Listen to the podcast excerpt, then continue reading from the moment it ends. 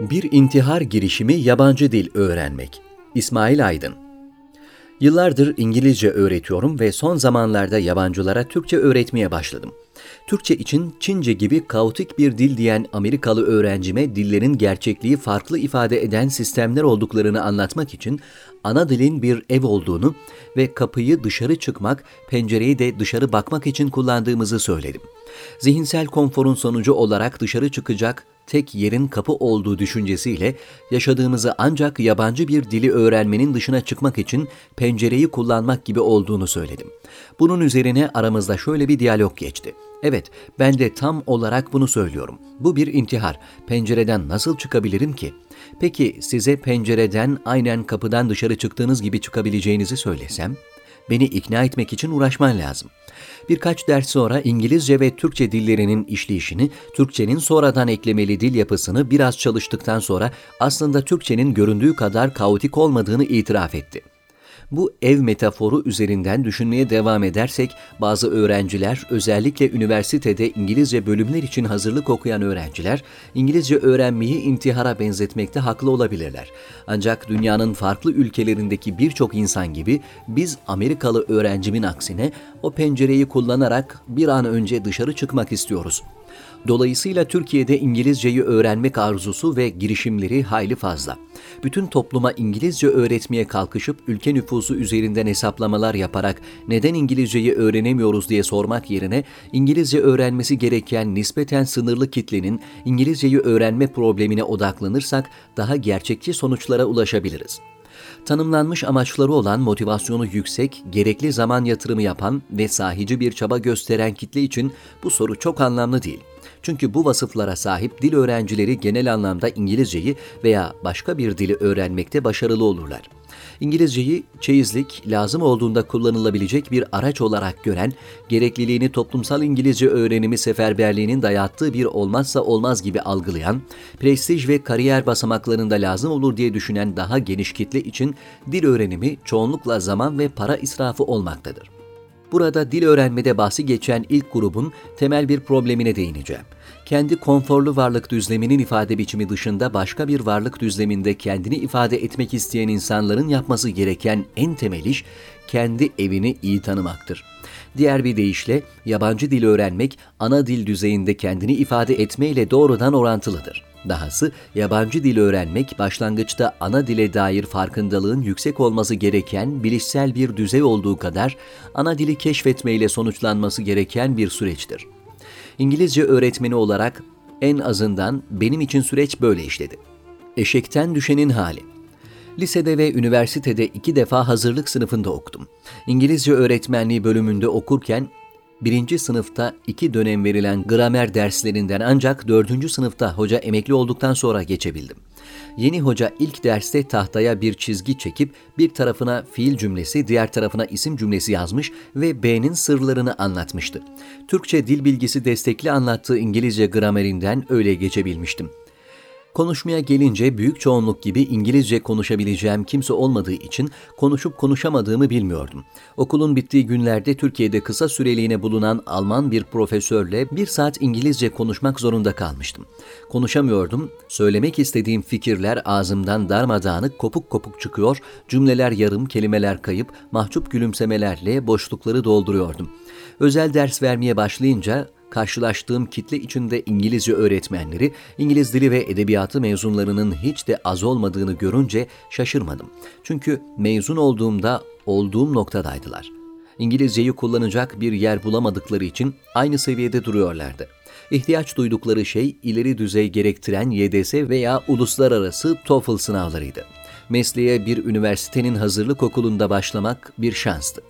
Bölüme geçince İngilizce eğitim görecek öğrencilerle çalışmak kendimi geliştirmek için iyi bir fırsat oldu. Öğretmen olur olmaz öğrencilerin takıldığı noktalarda Türkçe'ye başvurmak zorunda kaldım. Zaman içerisinde İngilizce dil bilgisini anlatmak için gerekli Türkçe dil bilgisinde kendimi geliştirmek öğretmenliğim için en önemli mesele oldu. Hayli uzun süren İngilizce öğrenim sürecimde damdan düşen ben olduğum için öğrencilerime elimden geldiğince bu süreyi kısaltmaya çalıştım. Ana dili formülize etmek Orta düzeyde temel iletişim kurabilenler genelde ileri düzeye geçmekte zorlanırlar. Zaten asıl sorun buradadır. Ancak ileri düzey İngilizce öğrenmenin en temel şartı ileri düzey Türkçe bilmektir. Dolayısıyla bireysel ders verdiğim çoğu orta düzey İngilizce bilen öğrencilerle ilk yaptığım iş karşılaştırmalı dil bilgisi çalışmaktır. Benim için yıllar tutan ana dil temelinin farkındalığını birkaç saatlik İngilizce, Türkçe karşılaştırmalı dil bilgisiyle anlatıyordum. İki saatlik süre içerisinde cümle yapısı ve fiilimsileri anlattığım öğrencilerin çoğu Türkçeyi yeniden keşfettiğini itiraf ediyor. Bu süreçte Türkçe dil bilgisi iyi olan öğrenciler konuyu çabuk kavruyor ve hızlı yol alıyorlar. Türkçe dil bilgisiyle sorunları olanlar için önce Türkçeyi daha yavaş ve detaylı anlatıyorum. Anlattığım konular zamanlar, cümlenin ögeleri ve fiilimsiler. Karşısında derin bir aydınlanma yaşayan öğrencilerin ilk tepkisi bu konuların hiç böyle anlatılmadığı oluyor. Bir örnek vermek gerekirse sıfat fiili hep an, ası, mez, ar, dik, ecek, miş eklerinin fiile eklenmesiyle yapıldığı anlatılan öğrencilere önce sıfatın ismi nitelediğini ve sıfat fiilin de ismi nitelemek için bir cümlenin kullanılması anlamına geldiğini anlatırım. Aslında bu tanımlama dil bilgisi kurallarının başka bir dili öğrenirken işlevsel olacak şekilde formülize edilmesidir. Daha somut bir örnek vermek gerekirse öğrenciye parkta oynayan çocuklar eve gitti cümlesinin İngilizcesini söylemesi istendiğinde büyük ihtimalle şöyle başlayacaktır. Children play in the park. Burada mesele sıfat fiilin Türkçe'de isimden önce gelmesidir. Halbuki İngilizce sıfat fiil isimlerden sonra gelir. Türkçe farkındalığı ne işe yarar?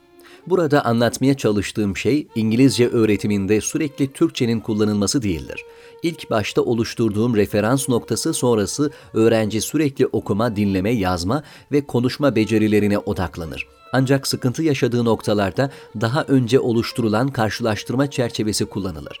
Yapılan hataların açıklanmasında ilk başta verdiğim bilgiye başvururum.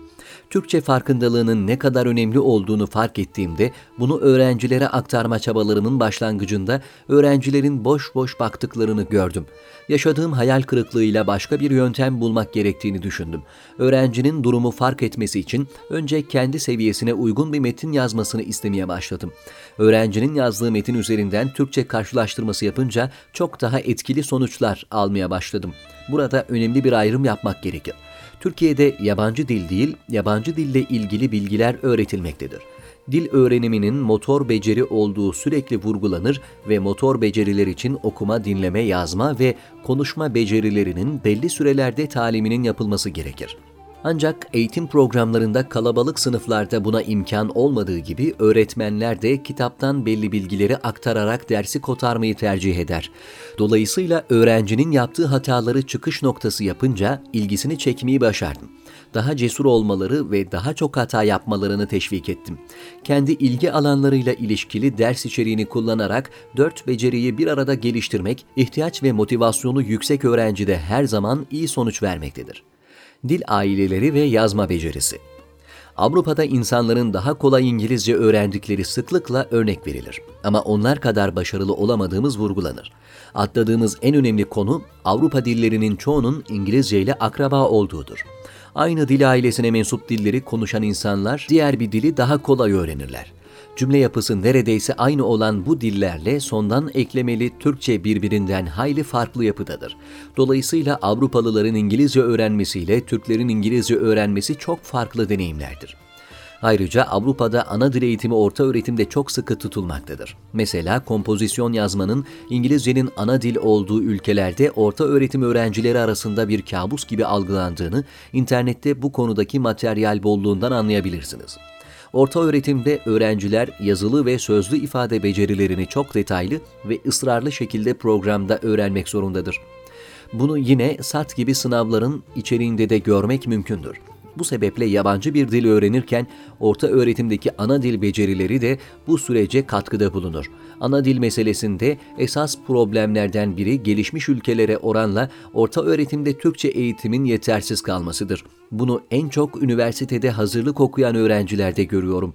Özellikle kompozisyon yazma sistemi İngilizce'de çok daha ayrıntılıdır. Türkçe derslerinde genellikle öğrencilere genel bir konu verilir ve giriş, gelişme ve sonuçtan oluşan bir kompozisyon yazmaları beklenir. Türkçe dersinde genelde öğrencilerden mesela stres, turizm gibi konularda kompozisyon yazmaları istenir. Konu geneldir. Dolayısıyla öğrenci o konuyla ilgili aklına gelen her şeyi yazar veya yazamaz.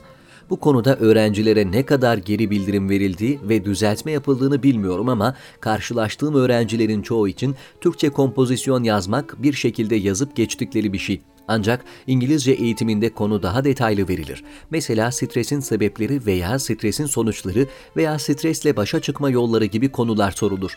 İngilizce kompozisyon yazmak zorunda kalan öğrencilerin çoğunun tepkisi ben bu konuyla ilgili Türkçe yazamıyorum ki İngilizce yazayım oluyor. Genel olarak yazılı anlatımda öğrenciler ana dilinde yetersiz kalıyor. Ana dilde konuşma becerisi üzerinde de yeterince durulmamaktadır analitik düşünme ve eleştirel olarak bir meselede yazmak ve konuşmak kültürel olarak da bizde yetersizliğini sürdürmektedir. Bu sorunun diğer bir boyutu orta öğretimde amacın üniversite sınavına hazırlık olmasıdır. Bu durumda daha pratik yöntemler test odaklı bir eğitim modeli kendisini dayatmaktadır. Sonuç olarak İngilizce öğrenirken sözlü ve yazılı anlatım ana dilde yetkin değilse bunu yabancı dilde yetkin hale getirmek imkansızdır. İçine doğduğunuz bir dilde kendinizi ifade etme biçiminiz yabancı dilde zaten tam anlamıyla eşdeğer olmayacaktır. Üniversitede İngilizce hazırlık okuyan veya uluslararası bir İngilizce sınavına giren öğrencilerin en büyük sorunu yazma ve konuşmadır. Sözlü kültürün baskın olmasından dolayı yazı yazmanın büyük bir meseleyi halletmeyle eşdeğer görülmesi gibi bir algıya yol açıyor. Halbuki İngilizce kompozisyon konuları bilinmeyen değil, tam tersine çok bilinen konularda öğrencilerin kendini iyi ifade edip etmediğini ölçer. Bunu yapabiliyorsa akademik çalışma veya bir meslekte rapor yazma gibi görevleri yerine getirecektir. Sonuç olarak yabancı dil öğreniminde başka birçok faktör söz konusu olsa da ana dil kullanımındaki yetkinlik belirleyici bir unsurdur eğitim programlarında ana dilde yazılı ve sözlü anlatım öğretimi tecrübelerime göre yeterli değildir. Bu durumda iş öğrenciye düşmektedir ve boşluğu kapatmak için dil öğrenimine ek olarak özellikle yazma ve konuşmada daha fazla çaba göstermelidir. Kültürel olarak kendimizi ifade etmede görece olarak daha çekimser kalıyoruz. Bu durum yabancı dili iyi öğrenenler için bile sorundur. Ancak görünüşe göre Türkçeyi ileri düzeyde bilmek çıkış noktasıdır ve ana dile hakimiyet yabancı dilde ulaşabileceğiniz sınırları gösterir.